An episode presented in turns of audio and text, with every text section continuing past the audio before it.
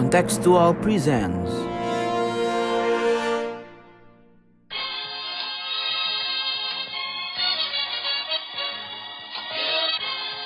sondern wir schaffen uns unseren Staat. Mr. Gorbachev, open this gate. Together, we will make America great again. Sudah cukup bagi kita untuk mengatakan bahwa winter is coming. Ya, selamat datang kembali di podcast Bebas Aktif. Jadi eh, meskipun momentum Lebaran ya sekarang, tapi kita juga lagi ada berita-berita yang ramai nih. Dan hari ini kita eh, kebetulan cuma bertiga, ada gue yang kebetulan sekarang menjadi membawa podcast hari ini Ikhlas Tawazun. Eh, Hafiz lagi sibuk mempersiapkan Lebaran kayaknya. Nih. Iya. Terus terus juga ada Mas Sofwan seperti biasa. Halo Mas. Halo, kita juga sebenarnya mempersiapkan Lebaran sih sebenarnya. Cuma menurut gue sih kayaknya eh, kalau kita nggak komentar soal isu ini kebangetan deh gitu. Kira-kira gitu. Oke. Karena eh, ya isu ini adalah isu yang eh, saya kira sangat mm, menarik perhatian publik ya sekarang eh, di Indonesia maupun di eh, seluruh dunia, apalagi dalam situasi menjelang Lebaran seperti ini gitu ya.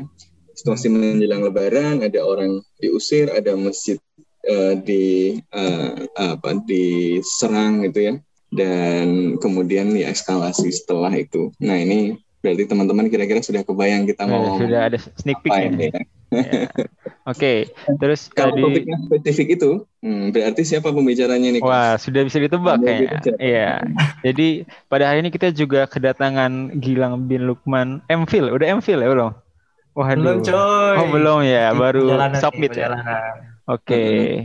Ya lo, apa kabar bang? Bang Gilang? Halo, halo semuanya. Selamat sore waktu Indonesia, selamat pagi waktu Inggris. Terima kasih udah ngundang ya. Iya, eh, dan memang harus undang kalau topiknya ini Oh, harus harus. bilang ya karena ya, ini salah satu penulis favorit di kontekstual yang eh, tulisannya eh, viral soal eh, isu-isu ini gitu ya. Dan ini juga menunjukkan eh, bahwa eh, Bung Gilang ini eh, saya kira orang yang eh, cukup otoritatif untuk ngomong ini gitu ya. Nggak bisa dituduh misalnya anti semit. Wong kemarin tulisannya soal eh, Attack on Titans ya itu Waduh.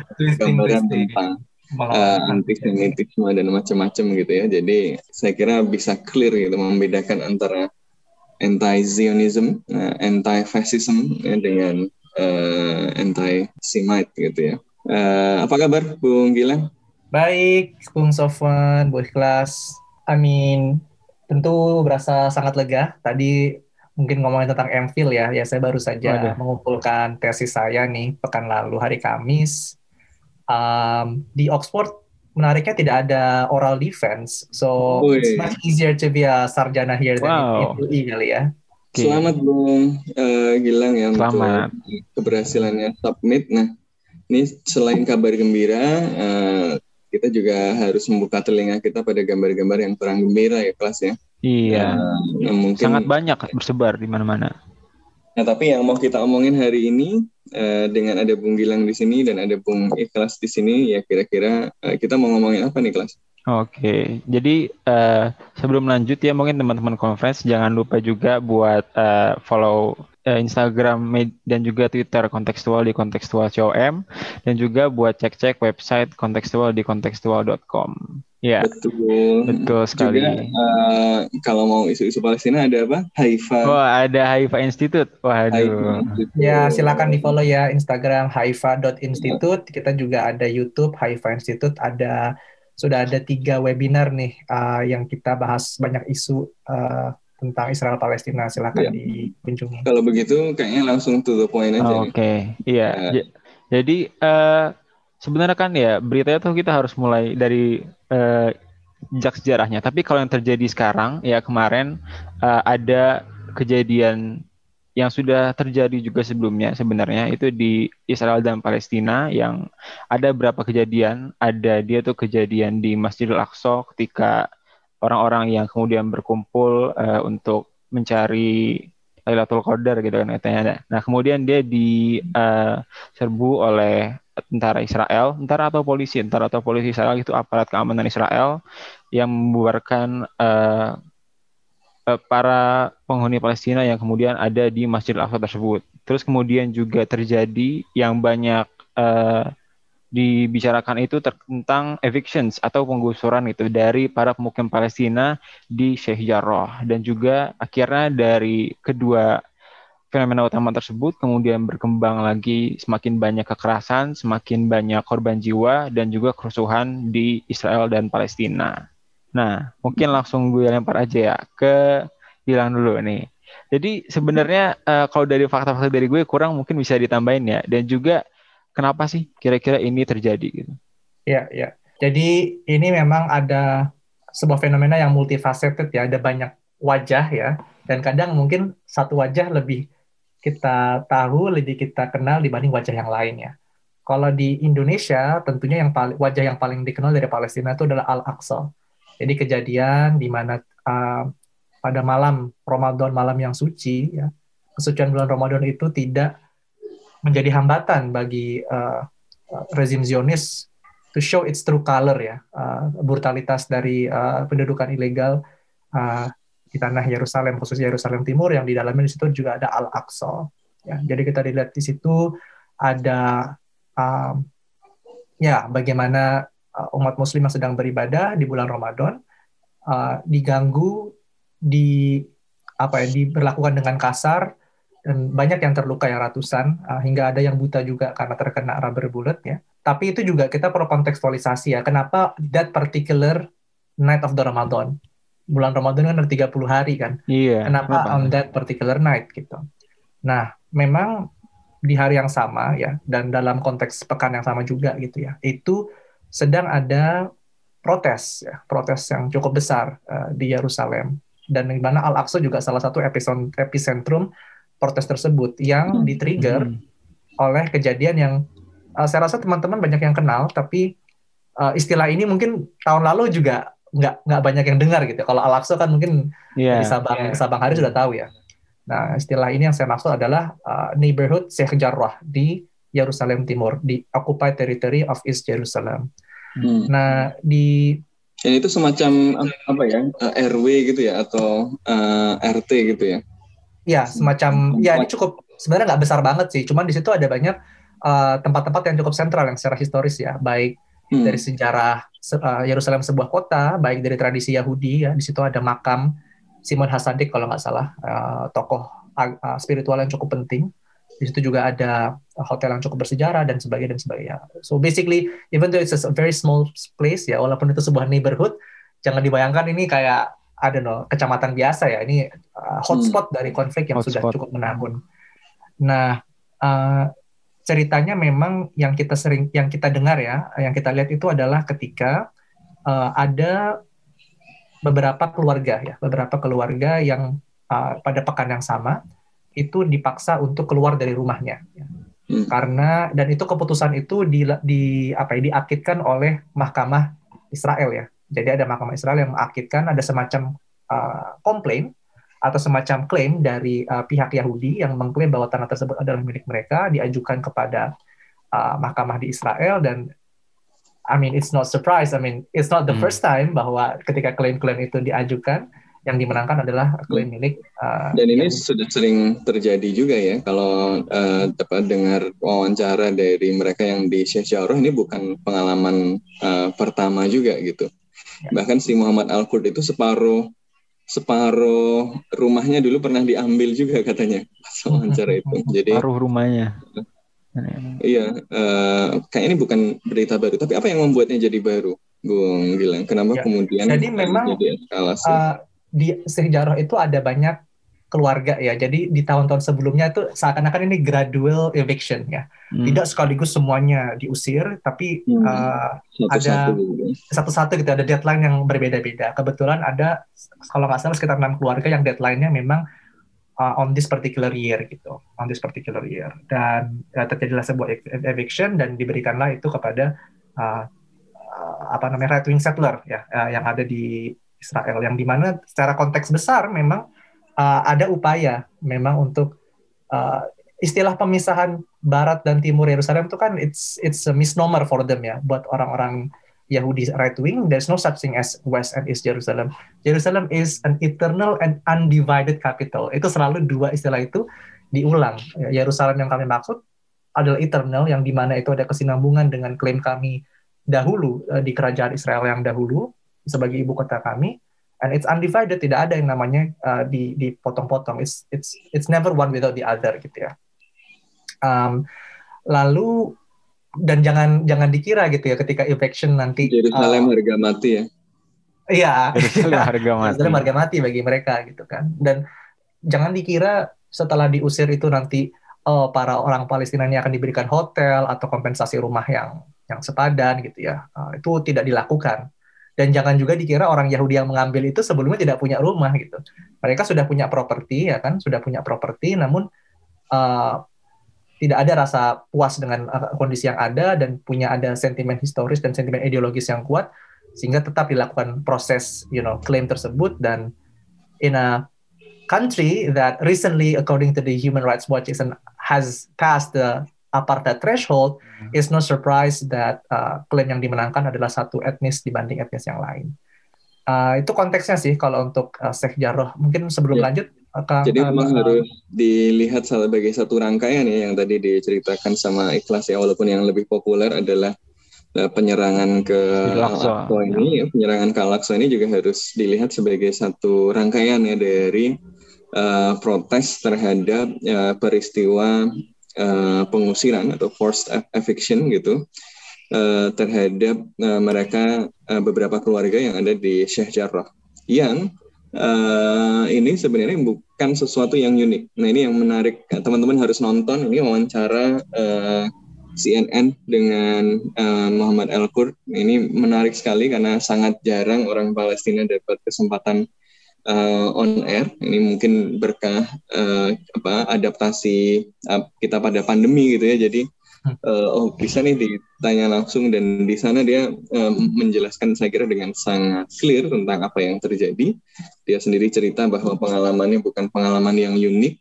Semua orang Palestina mengalami ini, gitu ya, uh, terus menerus, gitu, uh, yaitu uh, ya dispossession itu kepemilikan mereka diambil, hak-hak dasar mereka uh, ditolak dan dihilangkan. Ya mereka uh, ketika tiba-tiba ada apa ada peraturan atau keputusan pengadilan mengatakan bahwa ini milik orang lain, mereka tidak ditunjukkan uh, dokumen-dokumennya, tidak ada verifikasi dan macam-macam gitu. Sementara mereka bukti-bukti dan mereka sendiri pun tidak ya tidak ada gunanya walaupun mereka punya bukti macam-macam gitu ya.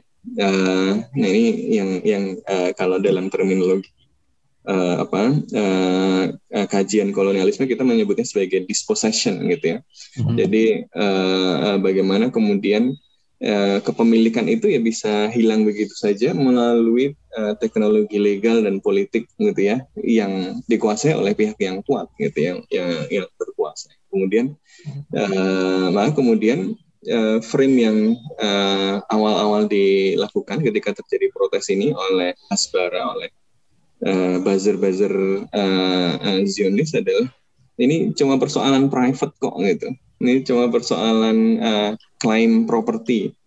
Kalau ini soal klaim properti saja, itu uh, ini terjadi secara sistematis dan uh, terus-menerus di semua tempat dan kita mendapati banyak sekali pernyataan dari pimpinan uh, uh, politik uh, Israel ya bahwa ya ini merupakan bagian dari upaya sadar untuk kemudian melakukan judaisasi uh, untuk mengubah demografi uh, Timur untuk kemudian menghadirkan uh, yang dibayangkan oleh Israel tadi. Jadi memang sengaja uh, ada eviction ini ya untuk menghilangkan uh, secara sistematis uh, pelan tapi pasti uh, wajah Arab dari uh, Jerusalem gitu ya dan hmm. ya tadi seperti dibilang uh, Gilang tadi uh, ribuan tahun history di situ dia dihapus dengan uh, secara uh, sepihak ya tentu kalau kita punya apa kenangan di rumah dan macam-macam terus tiba-tiba ditelepon suruh pindah orang yang datang anda nggak kenal dan seterusnya kan tentu anda um, melawan gitu ya. Nah ketika melawan ini karena pengalaman ini bukan cuma pengalaman individu, ya ini beresonansi dengan uh, orang-orang Palestina yang lain yang merasa bahwa loh eh, si yang diusir ini orang-orang di Syekh Jarrah yang diusir ini saya juga. Saya juga mengalami hal yang sama. Uh, dan uh, teman-teman saya mengalami hal yang sama nenek saya mengalami hal yang sama ibu saya mengalami hal yang sama saya mengalami hal yang sama. Dan sudah cukup gitu. Ini sudah cukup. Uh, saya apa uh, sudah cukup kita uh, dihilangkan akses pada hak-hak dasar. Uh, kita mau pergi ke mana harus lewat checkpoint ya uh, yang di checkpoint itu bisa tiba-tiba ditembak kalau uh, moodnya lagi pengen nembak dan seterusnya gitu. Waduh. Uh, yang kemudian ya didehumanisasi juga ya. kalau ada apa berita soal Palestina dihitung angkanya seakan akan itu bukan manusia gitu ya. Uh, karena itu ya kemudian mereka me, melawan dan kemudian uh, ketika protes itu terjadi ya secara alamiah mereka kemudian berkumpul di tempat-tempat di mana bisa berkumpul gitu.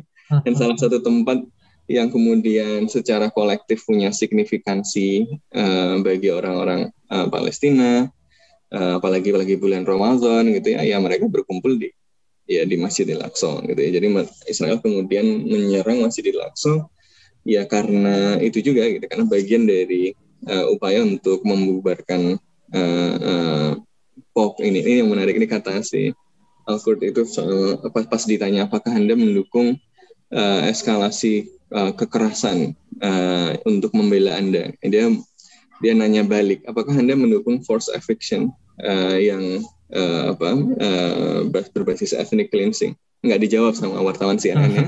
Jadi kemudian ditanya ulang, terus dia jawab lagi, yes, I'm supporting popular uprising, uh, uprising uh, against ethnic cleansing. Jadi saya kira uh, mantap. apa ya uh, ini orang biasa ya korban gusuran gitu. Tetapi uh, dia saya kira mam, uh, kalau pertanyaannya can can the subaltern speak? Yes they can.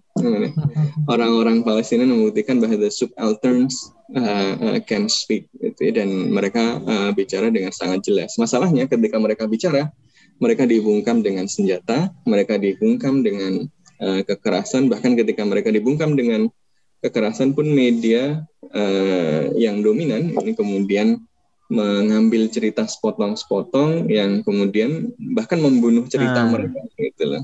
Nah ini yeah. yang, yang kemudian menarik makanya uh, hal yang baru menurut saya dan ini menurut saya signifikan gitu ya uh, ketika kemudian narasi di beberapa media mainstream ini mulai agak sedikit berubah karena ada kesempatan bagi orang Palestina sendiri ngomong. This is, this is yeah. game changing, I think. Yeah. Uh, belum pernah kejadian. Biasanya beritanya langsung begitu apa? Kan biasanya mode modenya begini.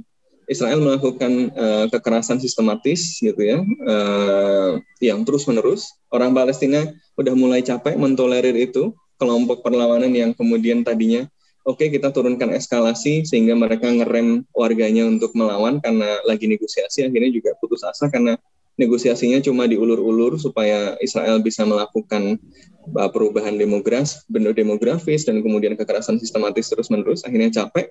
Ya udahlah uh, uh, kemudian muncul perlawanan. Ketika perlawanan mulai muncul direspon dengan kekerasan. Kekerasannya makin brutal uh, akhirnya kemudian kelompok perlawanan mendapatkan tentu saja tekanan dari publik. Untuk masa kita biarin saja publik apa uh, kita masyarakat kita diinjek-injek kayak gini. Akhirnya kemudian melawan dengan melakukan apa yang mereka bisa misalnya dengan perlawanan militer seperti roket-roket. Nah baru beritanya masuk di situ. Nah ceritanya nah. baru mulai.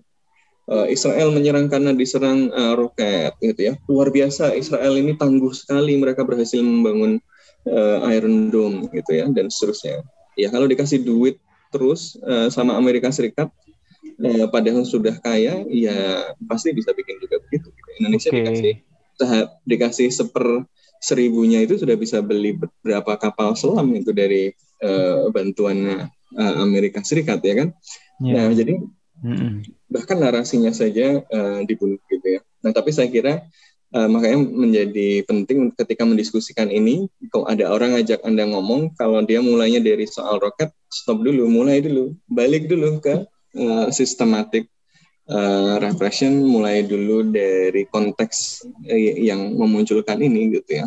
Jadi jangan stop dari dari alur ketiganya tadi kan ceritanya satu kekerasan sistematis terjadi terus menerus or, uh, orang dibunuh dengan sembarangan tidak ada respon dari dunia internasional yang kedua orang mulai marah protes orang protes kemudian diinjek dibunuh uh, kemudian ya kalau orang sudah digituin ya harus ngelawan ketika orang ngelawan ini kemudian dibalas dengan operasi militer yang lebih brutal yang kemudian dijustifikasi dengan perlawanan uh, kecil yang diberikan tadi dengan dalih self defense. Padahal by international law uh, self defense itu hanya mungkin uh, hanya justified uh, untuk apa serangan eksternal. Ini bukan serangan eksternal.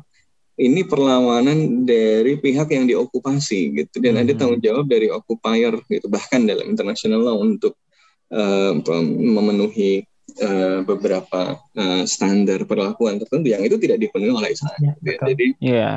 uh, bah, bahkan uh, speaking for uh, from the perspective international law, uh, argumen self defense ini juga sebenarnya shaky gitu ya. Tapi hmm. oke okay lah uh, kita kalaupun kita terima argumen self defense itu ap apakah Palestina tidak punya uh, self defense? Gitu. Apakah yeah. tidak ada hak self defense bagi Palestina di sini?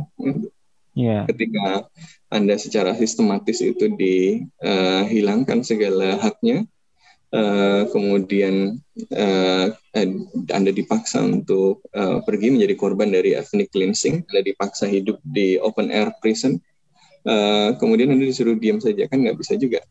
Ya, Bung Tomo, uh, Bung Karno itu juga pasti familiar dengan ini gitu ya. Uh, jangan sampai misalnya nanti jangan-jangan kalau sudah ada media sosial gitu ya tahun 48 ya media sosialnya akan ramai dengan uh, Belanda melakukan aksi polisionil uh, yang uh, sudah dalam koridor yang benar karena ekstremis teroris Indonesia ini uh, melakukan kekerasan kepada penduduk uh, dan perlu Indo. ditertibkan bahasanya ditertibkan. gitu ditertibkan penertiban eh, penduduk yeah. oke okay. Jadi tadi Mas Sofan udah menyinggung beberapa poin menarik, tapi gue mungkin balik lagi ke yang uh, Syekh Jarrah tadi. Just to be clear, tadi kan uh, ada menyinggung terkait putusan dari Mahkamah Israelnya ya. Kan perlu diketahui juga gitu bahwa uh, masyarakat Palestina yang duduk di situ juga sebenarnya udah menempuh jalur legal kan, udah menempuh uh, pertempuran hukum sendiri yang sayangnya yang nggak pernah dimenangkan oleh mereka gitu. Jadi jangan sampai eh, cuman dipotret ya Palestina tuh selalu kalau merespon Israel itu dengan menggunakan kekerasan, dengan ya. menggunakan roket dan segala macamnya. Padahal ya fakta itu ya semua semua jalur dari tempuh gitu. Ya. Dan uh, nah, gimana? And, and to play like a devil's advocate here, semisal pun ya yang orang Yahudi ini for the sake of argument dia punya data yang lebih superior, dokumentasi akte tanah yang lebih superior dibanding hmm. yang dipunyai Palestina semisal. And let's say for the sake of argument memang si mahkamah ini you know by by virtue of what is evidence yang ada gitu ya. Kadang kan memang keputusan itu bisa adil tidak adil juga tergantung bukti yang ada kan. Kadang mungkin yeah. we have a right position tapi kalau buktinya nggak ada maybe mahkamah tidak meng, meng, mengindahkan posisi kita. And let's say let's say the Jewish claimants have a stronger argument and hence they win the case. Masalahnya adalah uh, klaim itu kan mereka buat uh, by virtue of keberadaan mereka sebelum tahun 48 ya. Jadi mereka klaim bahwa sebelum terjadi peperangan, sebelum Yerusalem Timur itu diduduki oleh Yordania, kami punya klaim di sini, kami punya properti segala macam dan kami hanya kembali, kami hanya meminta hak kami untuk kembali. Mm-hmm. The problem is, what about how many hundred thousand, if not millions, of Palestinians that would have an yeah. equally strong argument for return, if not stronger, ya, dengan yeah. dokumentasi bahkan kuncinya masih megang loh, ya. Kuncinya, kunci rumahnya. Uh, iya, itu tapi nggak boleh simbol, masuk. simbol perla, simbol perlawanan kan memang kunci ya, memang dari satu generasi ke generasi yang lain, kunci dari rumah yang mereka benar-benar jelas buktinya itu punya mereka gitu ya, itu tidak bisa, tidak diberikan akses untuk uh, untuk kembali gitu. And so hmm. if we are to let's say entertain ini ada enam evictions karena ada dokumentasi yang kuat dari pihak Yahudi, it's just it's difficult to reconcile to the fact that ada ratusan ribu hingga jutaan orang Palestina yang masih memegang kunci rumah aslinya dan tidak bisa kembali karena uh, ya ketakutan Israel uh, untuk apa ya ketakutan akan pergantian demografi yang signifikan ya. Bayangkan ada sekian juta orang non Yahudi ya kan masuk ke negara Yahudi uh, dan tinggal di situ ya uh, status quo Israel sebagai negara mayoritas Yahudi akan sangat terancam dan saya rasa seliberal-liberalnya orang Israel ya, mau orang kiri pun ya, yang pro Palestina, yang pro whatever, itu kalau udah masalah right of return itu sedikit yang mau bicara karena itu udah akan sangat uh, apa ya, kind of like challenging the very fundamental of the Jewish state hmm. as um, you know a majority hmm. Jewish country. Tapi kalau yeah. melihat kasus eviction ini sendiri, sebenarnya respon dari beberapa komunitas Yahudi sendiri sebenarnya juga uh, menentang ini ya. Kalau yeah. kita lihat apa Jewish uh, Voice for Peace gitu misalnya. Iya di media sosial banyak juga uh, kelompok-kelompok Yahudi progresif yang kemudian me menyampaikan protes. Sebenarnya petanya bagaimana gitu? Kalau saya dengar memang ada pergeseran juga ya di kalangan Yahudi sendiri, misalnya di Amerika Serikat uh, soal apa generasi mudanya lebih kritikal gitu ya pada narasi-narasi uh, uh, resmi uh, Zionis gitu ya. Dan mereka mulai mulai bisa me membuat jarak antara uh, Zionisme dengan uh, keyahudian itu. Uh, hmm. What do you think? Um, I mean, I'm, I'm specifically talking about the Zionist left. Contohnya di Israel tuh ada Partai Meretz ya. Partai Meretz tuh kayak bisa dibilang partai PSI-nya Israel lah. Jadi kelompok minoritas, minoritas seksual, minoritas etnis, minoritas apa pun, itu mereka dukung. Dan mereka yang sangat keras sekali yang namanya uh, apa tentara Israel tuh seharusnya tidak ada di Al-Aqsa karena Al-Aqsa Yerusalem Timur uh, itu for the future Palestinian state and by insisting on annexing Jerusalem itu kamu akan apa ya uh, shackling the the last remnants of the opportunity for peace gitu ya. So on that aspect mereka akan sangat vokal terhadap masalah pro Palestina di situ. Tapi ketika menyangkut 48 ke belakang ya, hmm. itu kan kalau misalnya ngomongin Yerusalem Timur settlement itu kan 67 ke atas kan.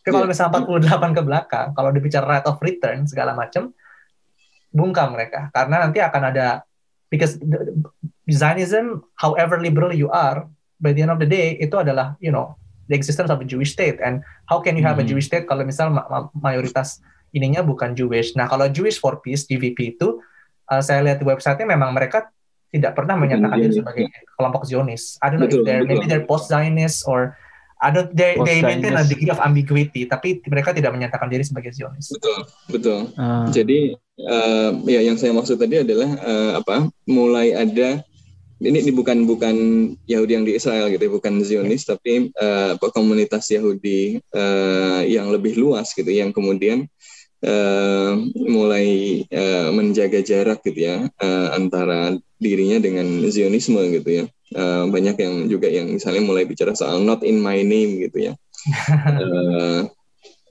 karena kemudian uh, ya tadi narasinya kan sel yang selalu diulang adalah uh, viktimisasi gitu ya kita ini korban di Eropa di uh, bantai kemudian datang uh, ke Palestina diserang uh, sama orang-orang hostile orang-orang Arab dari semua macam-macam gitu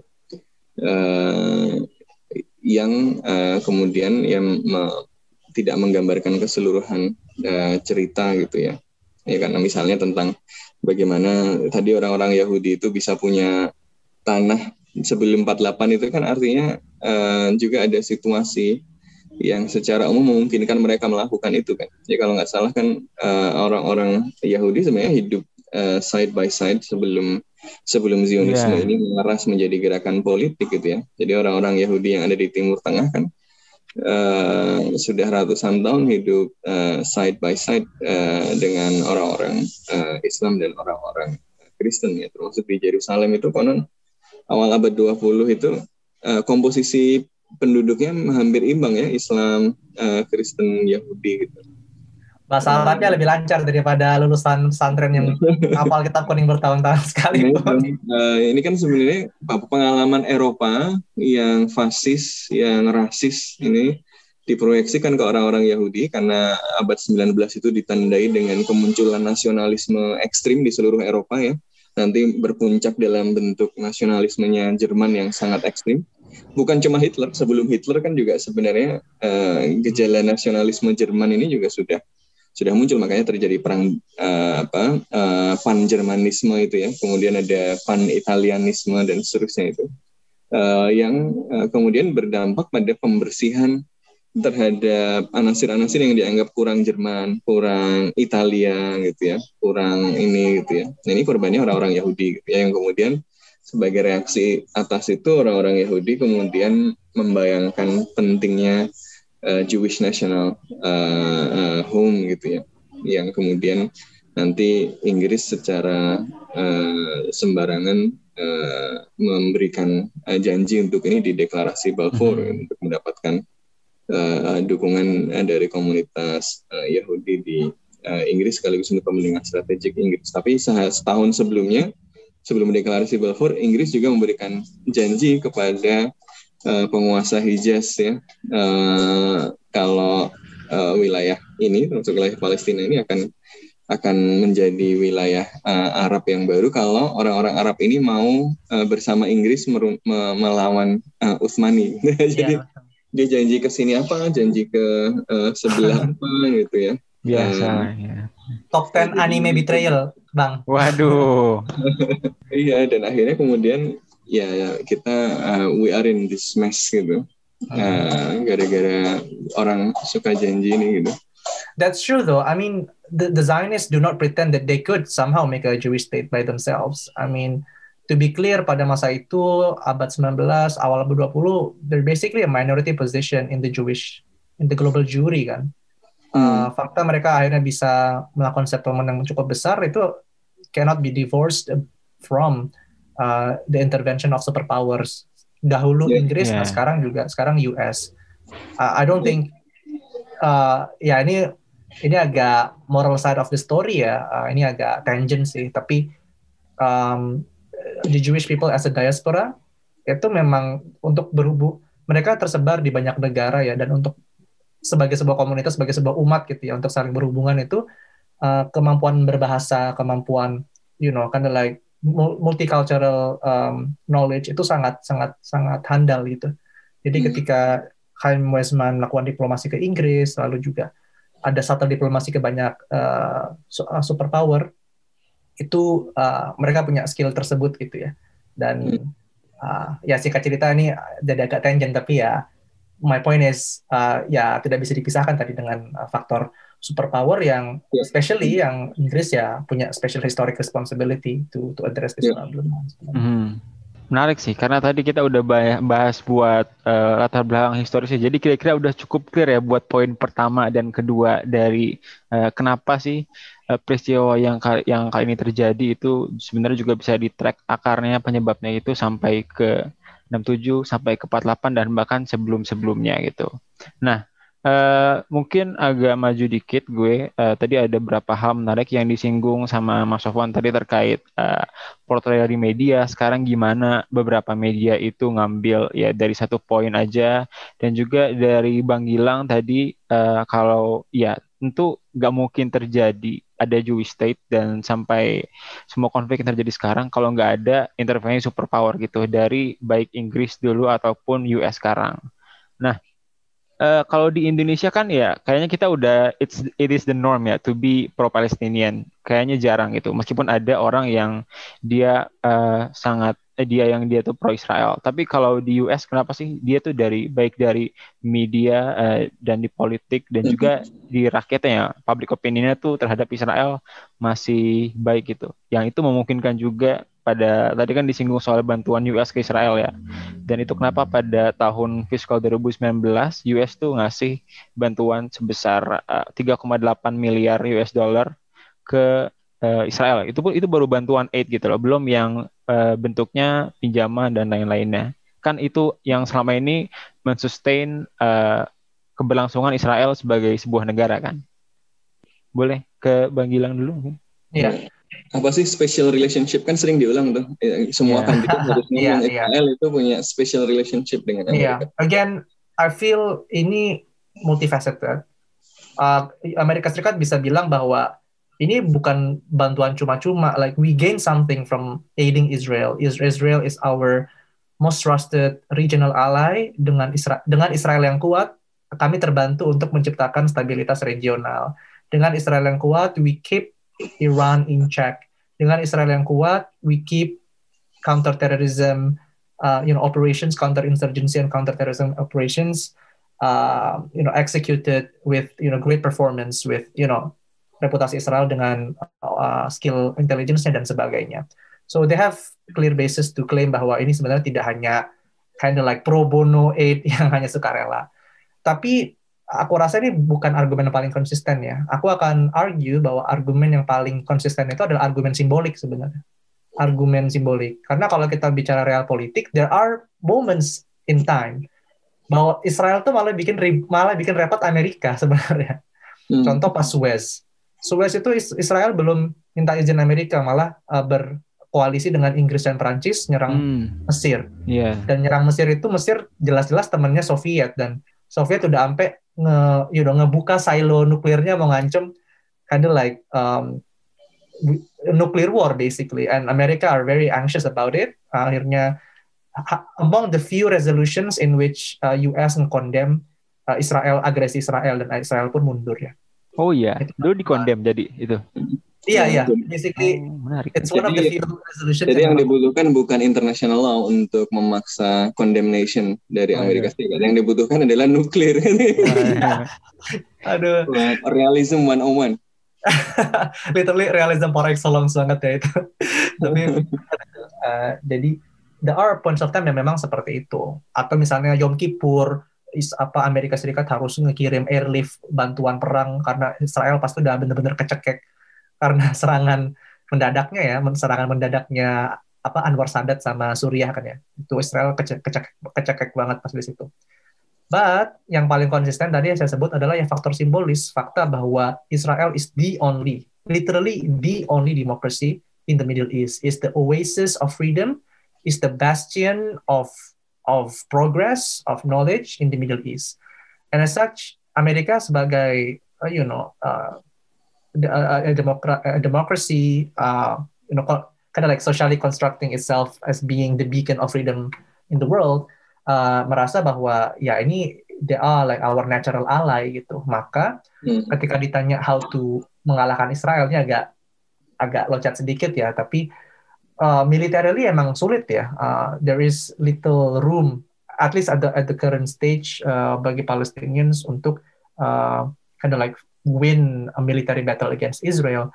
Tapi jika kita lihat bahwa the primary bond dengan US itu adalah faktor simbolis tadi dan pivotnya adalah persepsi bahwa Israel adalah demokrasi, ya aku rasa one of the biggest, maybe like ultimate weapon against Israel adalah bagaimana meyakinkan Amerika Serikat bahwa they are not a democracy they are an ethnocracy, if not an apartheid regime.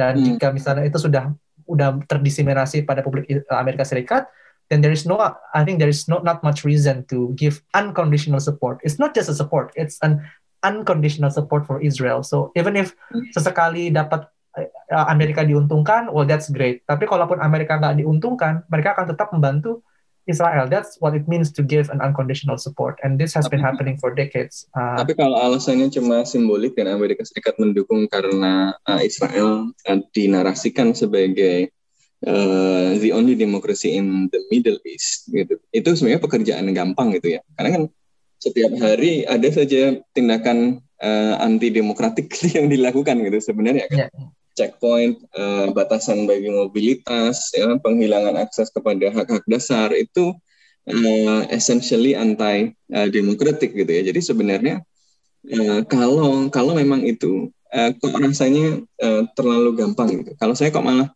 melihat sebenarnya ada yang lebih mendalam dari itu nggak sih gitu ya. Maksudnya betul bahwa yang kemudian menjadi justifikasi di muka publik adalah narasi bahwa Israel uh, is the only democracy in Middle East, tapi itu another uh, bullshit tree gitu ya.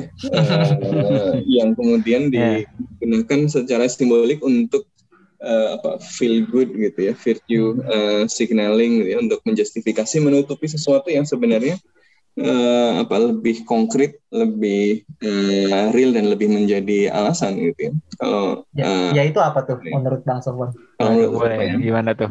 Uh, kompleks tapi saya kira salah satunya adalah uh, ya apa uh, karakter politik dari Amerika Serikat sendiri misalnya yang ditopang dengan pendanaan uh, uh, politik yang pendanaan politik ini punya sumber-sumber uh, yang beragam dan salah satu sumber yang paling uh, besar yang paling banyak diandalkan oleh para politisi Amerika Serikat ini uh, adalah uh, kekuatan-kekuatan pro uh, Zionis. Gitu. Ditambah lagi posisi elektoral di Amerika Serikat di mana basis uh, Zionis yang basis dari uh, evangelical, yeah, evangelical.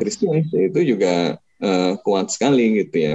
Uh, sehingga ya dengan tadi alasan uh, keuangan ya uh, apa dan lobby-lobby yang kuat tadi ditambah dengan basis massa yang bisa mengantarkan orang seperti Trump menang gitu. Itu kan berarti basis massa yang yang reliable secara elektoral gitu. Betul. Uh, uh, itu uh, apa uh, yang menjadi uh, konteks politik yang yang sangat kuat gitu ya untuk kemudian membuat posisi dukungan pada Israel menjadi uh, sangat besar gitu. Nah kayaknya ketika ada tulisan misalnya dari seorang akademisi hubungan internasional yang prominent uh, apa uh, Stephen uh, Walt ya uh, uh, yang sama uh, Marsheimer ya. Uh, Marsheimer Walt sama Marsheimer atau Marsheimer aja ya? Uh, iya kayaknya berdua deh. Berdua kan uh, nulis mengenai the Israel lobby. Ya bahkan reputasinya sebagai akademisi kajian politik dan hubungan oh. internasional itu tidak menyelamatkannya dari uh, apa uh, ancaman terhadap karir gitu. Jadi se, se, se, sedahsyat itu uh, apa uh, kekuatan uh, tadi gitu ya uh, di dalam politik Amerika Serikat gitu. Calon kandidat Amerika kandidat presiden Amerika Serikat itu kan hampir semuanya datang ke IPAC. Cuma satu orang yang berani nggak datang. Namanya Bernie Sanders. Feel the burn. Uh, only Jewish presidential candidate. Dan Yahudi pula gitu Nah, Yahudi pula gitu. Dan menurut saya justru karena iya, dia iya. Yahudi dia berani melakukan itu gitu. Karena uh, loh masa masa Yahudi dibilang antisemit lah saya ini Yahudi gitu kan. Dan ada orang lain satu orang lain lagi akademisi yang saya kira penting juga untuk atau beberapa uh, akademisi uh, Yahudi yang juga kita perlu baca. Ini untuk menegaskan bahwa kita ini bukan antisemit gitu ya. Kontekstual tidak antisemit. Kita tidak antisemit. kita, kita tidak. pro uh, pro uh, kemerdekaan kita pro konstitusi uh, 1945 gitu yang yang clear di situ state posisi Indonesia gitu ya. Uh, dan uh, misalnya ya Norman Finkelstein, ya, uh, Ilan Pape, ya, Ilan Pape atau Pape bacanya itu. Pape, Pape. Pape ya bacanya. dan, uh, saya kira mendokumentasikan dengan uh, sangat jelas ya uh, uh, mitos-mitos yang menopang uh, apa berdirinya uh, uh, sebuah institusi politik apartheid uh, yang uh, kemudian sampai sekarang melakukan kekerasan secara sistematis uh, dan bahkan eh, bisa disebut sebagai ethnic cleansing gitu ya di Palestina itu. Gitu. Jadi saya kira uh, ya kita apa kita memang harus kemudian lebih banyak apa membaca uh, dan barangkali saya kira kritik untuk teman-teman yang bersolidaritas dengan Palestina di Indonesia juga kadang-kadang apa ya kita menyempitkan uh, uh, uh, solidaritas ini ke satu identitas tertentu gitu ya atau ke kelompok tertentu yang kemudian karena problem politik domestik kelompok tertentu ini punya masalah dengan kelompok-kelompok yang lain gitu. Jadi malah mengurangi basis dukungan untuk solidaritas kemanusiaan yang seharusnya lintas ideologi gitu ya. Yang seharusnya by nature Indonesia itu apa pun spektrum ideologi Anda Pak Bung Karno jelas uh, apa Ruslan Abdul Ghani jelas uh, apa uh, Rum uh, jelas dari PNI sampai Masyumi sampai PKI itu posisinya jelas gitu soal Zionisme ini gitu. Uh, kok bisa uh, apa ya kemudian jangan-jangan karena uh, kita apa menyempitkan uh, wacana ini menjadi milik salah satu uh, kelompok ya solidaritas yang seharusnya lintas uh, batas itu jadi uh, agak tergusur ini. Ini kan bagian dari tesismu ya, bilang ya. Oh, oh iya. Uh, apa dinamika solidaritas Palestina di Indonesia. Yoi. Sedikit It's it's been a pleasure, you know, like interviewing different people from different uh, groups. Sayangnya banyak yang nggak mau didisclose. Tapi analisisnya tetap bisa diakses nanti teman-teman pas saya yeah. publish. Nanti ditunggu buku bukunya lah. Harus terbit jadi buku itu. Oh. we'll see, we'll see. I'm optimistic. Oke. Okay. Uh, okay. Ada lagi ikhlas? Ya mungkin uh, last segment Drake ya yang bisa di ini setelah kita follow up tadi terkait uh, peran intervensi AS dan juga apa aja mempengaruhinya dari faktor-faktor yang jelas seperti lobby Israel, finance dan juga faktor-faktor ideasional. Jadi uh, ya karena ini sangat terkait dengan US, uh, sebenarnya apa sih yang mungkin ya yang mungkin berubah dari US itu terhadap yang mungkin mengubah support US terhadap Israel ke depannya atau kira-kira perkembangan ke depannya yang bisa uh, bantu mengakhiri uh, konflik di Israel dan Palestina ini. Boleh dari uh, Mas Sofwan dulu sekarang. Ya, saya, saya ikut saja apa yang disampaikan Gilang tadi. Saya cuma tadi menambahkan uh, uh, saja, tapi saya ikut bahwa salah satu kuncinya adalah yang mendekonstruksi narasi uh, yang apa ya yang yang yang berbasis mitos tadi tentang uh, Israel gitu ya. Bahwa ya misalnya Israel is the only uh, democracy in Middle East. Bahwa Israel itu adalah uh, uh, David gitu ya yang kemudian dikelilingi oleh uh, Goliath. Padahal cerita sebenarnya adalah sebaliknya gitu. Uh, dan uh, saya kira ini adalah momentum historis yang sangat memungkinkan untuk itu. 20 tahun yang lalu semua cerita itu datang dari media uh, resmi yang uh, biasnya jelas sekali yang bahkan di zaman sekarang aja kemarin di Twitter ramai karena New York uh, Post misalnya nulis ya, post. Uh, nulis salah gitu ya. uh, terbalik. Terbalik gitu ya. Uh, ada air strike dari Hamas gitu. Hamas kok bisa air strike yang mati 20 gitu ya. Uh, kemudian soal misalnya apa ya berita yang sepotong-sepotong BBC ada empat menit liputan tiga setengahnya uh, cerita penderitaan orang uh, Israel yang takut melihat roket ya cuma uh, setengah menitnya cerita soal orang Palestina itu pun uh, uh, sepotong-sepotong itu.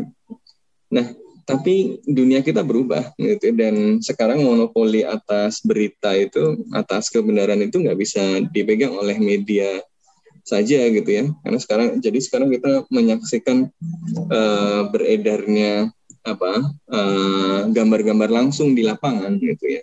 Yang dengan itu saya kira orang terdoktrin apa pun di Amerika Serikat atau di berbagai belahan dunia yang lain kalau dia ngecek uh, apa gambar-gambar itu ya dia bisa menilai sendiri dengan nuraninya sendiri. Dan saya kira ketika orang menilai dengan objektif dengan nurani orang bisa membongkar bisa mendekonstruksi narasi-narasi mitos-mitos yang yang selama ini menopang uh, opresi yang mendapatkan unconditional support dari Amerika Serikat itu. Ya tadi seperti dibilang, oh karena dia the only democracy terancam oleh kekuatan-kekuatan hostile, maka kita harus kasih terus bantuan luar negeri uh, besar-besaran gitu ya, untuk menopang senjatanya Iron Dome yang dikagumi oleh uh, sebagian anak-anak edgy Indonesia. Ya kalau dikasih duit sama Amerika Serikat terus ya ya gampang bikin begituan gitu ya. Uh, Nah, tapi uh, kemudian uh, apa narasi-narasi ini di, dibongkar gitu ya. Uh, soal uh, yang salah bukan Israel tapi Palestina.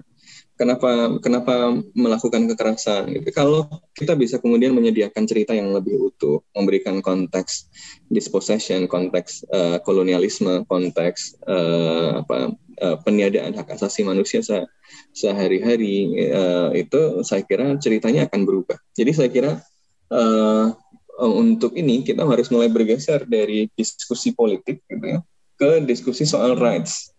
Jadi hmm. rights based uh, support for Palestine gitu. Jadi basisnya bukan uh, apa uh, penyeles bukan bukan konflik politik, bukan melihat ini sebagai uh, sekedar konflik politik, tetapi sebagai sebuah peristiwa di mana ada satu uh, pihak yang sedang menghilangkan secara sistematis hak-hak pihak lain dan fokusnya adalah proses penghilangan dan pencerabutan itu. Dan kalau itu bisa dilakukan, ya, uh, saya kira mitos-mitos yang menopang dan menjustifikasi orang kok bisa bahagia kalau ada puluhan orang uh, terbunuh itu kan atau ratusan orang terbunuh itu kan uh, kalau apa bukan banality of evil gitu ya itu kan nggak bisa gitu. Jadi banality of evilnya ini harus dibongkar. Banality of evil ini bisa dibongkar dengan apa? Dengan kedalaman cerita dengan kedalaman fakta dengan uh, uh, kedalaman uh, analisis. Maka ya kita dukung terus uh, narasi untuk menghadirkan cerita-cerita dari lapangan dari korban ya, dari ya, dan dan saya kira orang-orang Palestina itu meskipun mereka diinjak-injak uh, selama puluhan tahun uh, mereka itu begitu dikasih kesempatan mereka bisa menjelaskan dengan sangat ya seperti uh, uh, peristiwa yang tadi di CNN tadi ya. Saya kira uh, uh, he is doing a lecture on settler colonialism uh, uh, dalam uh, waktu yang sangat uh, singkat gitu ya karena dia mengalaminya sendiri gitu. uh, jadi saya kira uh, let them speak, uh, let them uh, show the truth, uh, dan ketika truth itu muncul, uh, mitos mitos yang menopang uh, uh, represi itu akan rubuh dengan sendirinya. Jadi uh, ya yeah, let's uh, right space uh, advocate. Nah, sama saya uh, kalau mau tindakan langsung di Indonesia, saya kira menarik untuk memulai dan mendorong lagi apa yang uh, kita kenal sebagai BDS ya, boycott, uh, diverse uh, sanction. Ada banyak yang uh, sebenarnya bisa kita lakukan. Terima kasih uh, Bung Sofwan. Ya, mungkin sekarang boleh Bung Gilang. Ya, terima kasih. Uh, saya mau mengangkat dua poin ya. Uh, dan mungkin respon ini nggak hanya terbatas di Amerika Serikat, tapi ini juga bisa apply ke negara kita sebenarnya. Pertama, saya rasa banyak audiens ya yang di luar Israel Palestina itu sudah istilahnya uh, desensitized uh, towards uh, nama apa arm resistance ya. Jadi ketika mereka duduk dengan nyaman ya, dan ketika mereka sehari-hari ini semisal ada permasalahan, ada sengketa, mereka bisa menyelesaikan dengan damai gitu ya, uh, secara kekeluargaan ataupun kalau nggak selesai ya bisa ke mahkamah gitu kan ya, nggak perlu nggak perlu jotos-jotosan, nanti tinggal mahkamah yang menyelesaikan dengan adil. Uh, ilusi ini ya ilusi yang of like sebuah self portrayal sebenarnya kan sebuah dari pengalaman subjektif pribadi kita dengan privilege yang kita punya ya ini tidak bisa kita anggap sebagai sebuah solusi tunggal atau paradigma tunggal yang berlaku di semua konteks. Yang di mana di Israel Palestina itu you know sebagaimana yang kita lihat di Sheikh Jarrah gitu telah dicoba semisal uh, jalur yang non violent yaitu ada jalur uh, mahkamah namun tetap proses uh, evictions dan ethnic cleansing itu tetap dilanggengkan gitu. Dan di tengah kemuakan orang Palestina itu, uh, I don't think it, I think it's just naive to expect uh, orang Palestina untuk diam saja gitu ya. Jadi uh, teman-teman jangan kaget gitu ya kalau semisal uh, ketika di Al Aqsa gitu ya, ya memang ada gitu ya yang ketika di Al Aqsa ketika diserang orang orang Israel itu uh, mereka lagi sholat memang beneran nggak ngapa-ngapain tapi kena serang gitu. Tapi juga ada sebagian yang memang actively resisting uh, the, the Israeli security apparatus melempar batu dan segala macam um, banyak yang yang merasa bahwa wah it's it's very complex nih the issue actually two sides are actually fighting each other. Um, Palestinians are not that innocent Palestinians are not that peaceful gitu so it's it's just uh, melupakan a broader pattern gitu ya. Kayak semisal kalau di Al-Aqsa ya, kalau kita tanya, uh, kalau dipermasalahkan ya, uh, kenapa umat orang Palestina yang ngelempar tent apa tentara dan polisi Israel duluan, seandainya tidak ada pelemparan batu, orang Israel itu tidak akan masuk ke Al-Aqsa untuk menertibkan dengan keras ya. Uh, pertanyaan harusnya di, lebih dalam lagi, kenapa tentara Israel ada di situ gitu. Jelas-jelas Al-Aqsa itu di Yerusalem Timur yang di mana itu bukan wilayah Israel ya. I mean the sheer presence of tentara Israel di Al-Aqsa itu menurut saya itu sudah ilegal gitu. Jadi rather than asking why are the Palestinians throwing stones at the Israeli security apparatus in Al-Aqsa, you should ask why the security apparatus of Israel were there in the first place. And I think jika kita sudah bisa melakukan para apa pergeseran paradigma, I think that's the keyword ya. Pergeseran paradigma itulah yang kita butuhkan gitu agar kita tidak uh, apa namanya tidak sempit melihat ketika yang the oppressed, yang terzalimi melawan, uh, kita hanya fokus pada situ, tapi kita tidak melihat the broader pattern of systemic uh, oppression. Itu poin pertama. Poin kedua, saya menanggapin masalah right-based approach ya. Interestingly, di riset saya, right-based approach ini memang cukup populer belakangan ini kan, ketika kita melihat two-state solution semakin rasanya tidak ada tidak ada, you know, the future horizon is becoming more narrow gitu ya. Israel seakan-akan tidak mau mundur dari tepi barat dan Gaza untuk give way for a Palestinian state. And banyak di Israel yang sudah merasa senang, eh, sudah merasa nyaman dengan status quo, kayak ngapain juga uh, ngasih Palestina dengan kondisi sekarang, our economy is thriving, our security, well sometimes there's rocket here and there, but we can we can bear with it gitu kan. Uh, I mean in general gitu. Uh, jadi di tengah uh, two solution yang, sem yang semakin tidak terrealisasi, orang jadi makin bicara tentang right-based approach. And when you talk about right-based approach, when you talk about human rights, you don't talk only about the human rights of the oppressed, you also talk about the human rights of the oppressors. Because both sides at the end of the day are humans ya. Jadi hmm. baik yang paling ketika ngomong human rights itu kan sebenarnya nanti frameworknya adalah bahwa orang orang Israel punya hak dan itu sudah terpenuhi, orang Palestina juga punya hak tapi belum terpenuhi.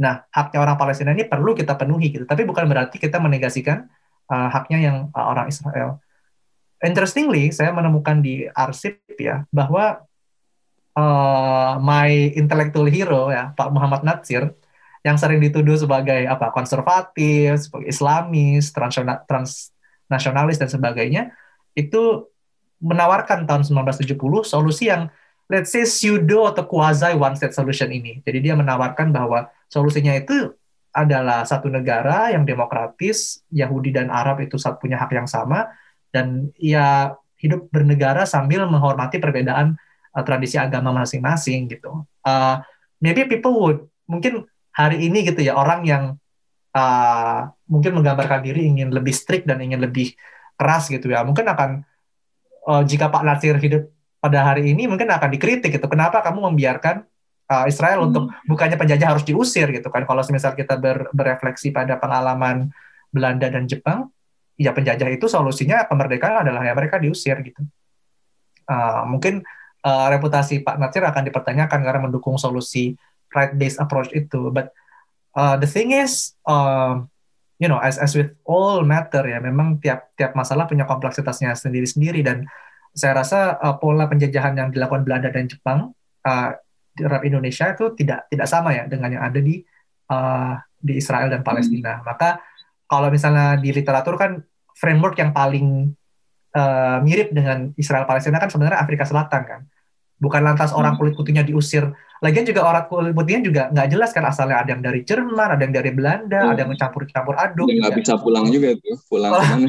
Iya, pulang, pulang ke mana kan? Akhirnya framework yang digunakan adalah binational framework yang kunci, kata kuncinya adalah reconciliation. Jadi previous injustice harus ada kompensasi, tapi in the future kita harus rekonsiliasi. Nah, kemungkinan besar memang kalau kita pakai right based approach, ya seperti itu, binational single state yang demokratik, setelah nanti tentunya ada right of return dan ada kompensasi terhadap past injustice. The problem is, so many Jews are uh, insistent with the, with the existence of a Jewish state gitu ya. Hmm. Jadi like Zionism is just so important for their identity yang buat mereka yang penting bagi hidup mereka itu tidak hanya hak untuk bisa makan, hak untuk bisa sekolah, hak untuk bisa hidup dengan tenang, tapi hak untuk diakui sebagai sebuah bangsa yang di mana bangsa itu hak berhak punya negara sebagaimana bangsa yang lain. So when that kind of ideology has kind of like been internalized by so many Jews, I'm not talking all, but a significant number of Jewish people in Israel, uh, resistensi terhadap one set solution itu besar gitu. Makanya banyak yang memilih two state solution bukan karena cinta Palestina tapi karena lebih kayak two state solution itu kayak like a shortcut solution kayak oke okay, we're just different let's just separate each other gitu uh, you can get uh, West Bank but just just don't don't mingle with us because we we want a pure Jewish state gitu ya makanya sejauh ini secara perbandingan two state solution lebih banyak dukungannya kan di Israel dibanding a democratic one state so uh, again I cannot offer kind of like a panacea to this problem, but just to show you the horizons are just so wide and yep. we we shouldn't kind of restrict ourselves to the status quo. Status quo ini sangat tidak memuaskan. Betul. We've been sticking with the two-state solution for I don't know for like seven decades, for the partition paradigm for seven decades, and surely we kalau misalnya pakai peribahasa Indonesia ya apa jangan seperti keledai yang jatuh di lubang dua kali gitu. I mean, we don't hmm. want to be like a seperti keledai yang jatuh di lubang dua kali. There needs to be a reform. There needs to be a refreshment of paradigm. So I think that's my position. Ya mungkin rights approach juga uh, in the sense uh, kita tidak langsung ke ujung gitu ya. Maksudnya apakah democratic uh, one democratic state, tapi juga uh, ya uh, dalam hal sehari-hari gitu ya mengidentifikasi uh, injustices yang ada uh, setiap hari dan hak-hak yang terampas setiap hari dan dengan itu kemudian uh, mencari cara supaya hak-hak ini bisa uh, terlindungi. Tapi lagi-lagi ya memang kadang susah memisahkan right space dengan politik space karena yang namanya rights itu ya political gitu kan. Ya betul. betul. Uh, tapi uh, saya kira dengan menggeser diskusinya atau diskursusnya ke perdebatan soal hak perdebatan soal apa keadilan uh, sehari-hari bukan soal ini tanah siapa gitu uh, akan lebih clear gitu loh uh, tentang siapa uh, yang melakukan kekerasan dan siapa yang menjadi korban kekerasan itu akan lebih clear kalau basisnya uh, uh, right space. Kalau basisnya apa siap ini tanah siapa ini tanah siapa ya apa uh, selalu ada justifikasi namanya competing nationalism gitu kan. Betul betul. Uh, ya saya kira uh, itu sih. Uh, memang uh, kompleks tapi saya saya juga baru tahu tadi cerita tentang Pak Nasir. Itu menarik iya. juga begitu. Menarik juga. Uh, kayaknya banyak ruang untuk bisa kita elaborasi nih di uh, apa di Indonesia tentang ini. Gitu ya kelas ya? Bisa jadi topik skripsi kan waduh iya. Menarik one state solution. Asik. Ya jadi uh, sudah tadi per, tanggapan dari Bang Gilang dan uh, Bung Gilang dan Bung Sofan sudah cukup menyimpulkan juga ya. Jadi uh, gue mungkin juga ikut sedikit memberi tanggapan dan sedikit menyimpulkan bahwa ya yang pertama-tama uh, konflik yang terjadi sekarang uh, itu bukan tentu bukan merupakan konflik yang pertama kali. Ini merupakan bagian dari proses gradual uh, okupansi dari uh, Israel terhadap Palestina yang tentu harus kita pahami dalam kerangka historis yang membentang jauh-jauh ratusan tahun ke belakang gitu loh. Tetapi pun dengan itu kita nggak boleh kemudian menjauhkan diri kita dari bersikap gitu kan. Karena pada akhirnya ada yang melihat banyak kompleksitas dari ini itu uh, ya udah sebagai sesuatu yang kayak susah kita pahamin deh. Dan kayaknya oh iya kayaknya dua-duanya salah deh. Kayaknya dua-duanya uh, sama-sama melakukan kekerasan dan lain-lain gitu uh, sebenarnya mirip juga dengan uh, masuk dengan Bung Sofwan dan Bung Gilang tadi. Ya kita harus mencoba melakukan ya pergeseran paradigma. Kita harus mencoba melakukan pendekatan yang berbasis dengan hak. Kita jangan melihat ya siapa yang sekarang ini punya tanah siapa, ini itu sebenarnya klaim siapa, tapi ya siapa yang pada saat ini itu uh, hak-haknya terlanggar, siapa yang pada detik ini tuh dia uh, terusir dari rumahnya dan sebenarnya bagaimana solusinya bagi kita bersama untuk bisa uh, mencapai solusi bersama gitu loh. Dan uh, pasti akhirnya tuh nggak akan dalam dekat-dekat ini, tetapi ya jangan kita lelah untuk terus uh, mengikuti berita-berita ini dan terus berpikir bersama kontekstual. Kayaknya untuk episode ini cukup ya. Oke. Okay. Oke. Okay. Terima kasih teman-teman sudah Terima kasih konferensi yang sudah mendengarkan. Tetap Sampai bebas jumpa. dan aktif dan bebas dan aktif itu bukan berarti harus netral. Bebas itu bukan netral, bebas Yoi. itu uh, memilih by conscience, memilih Siap, by siap. Sampai jumpa. Sampai jumpa. Sampai jumpa. Terima kasih.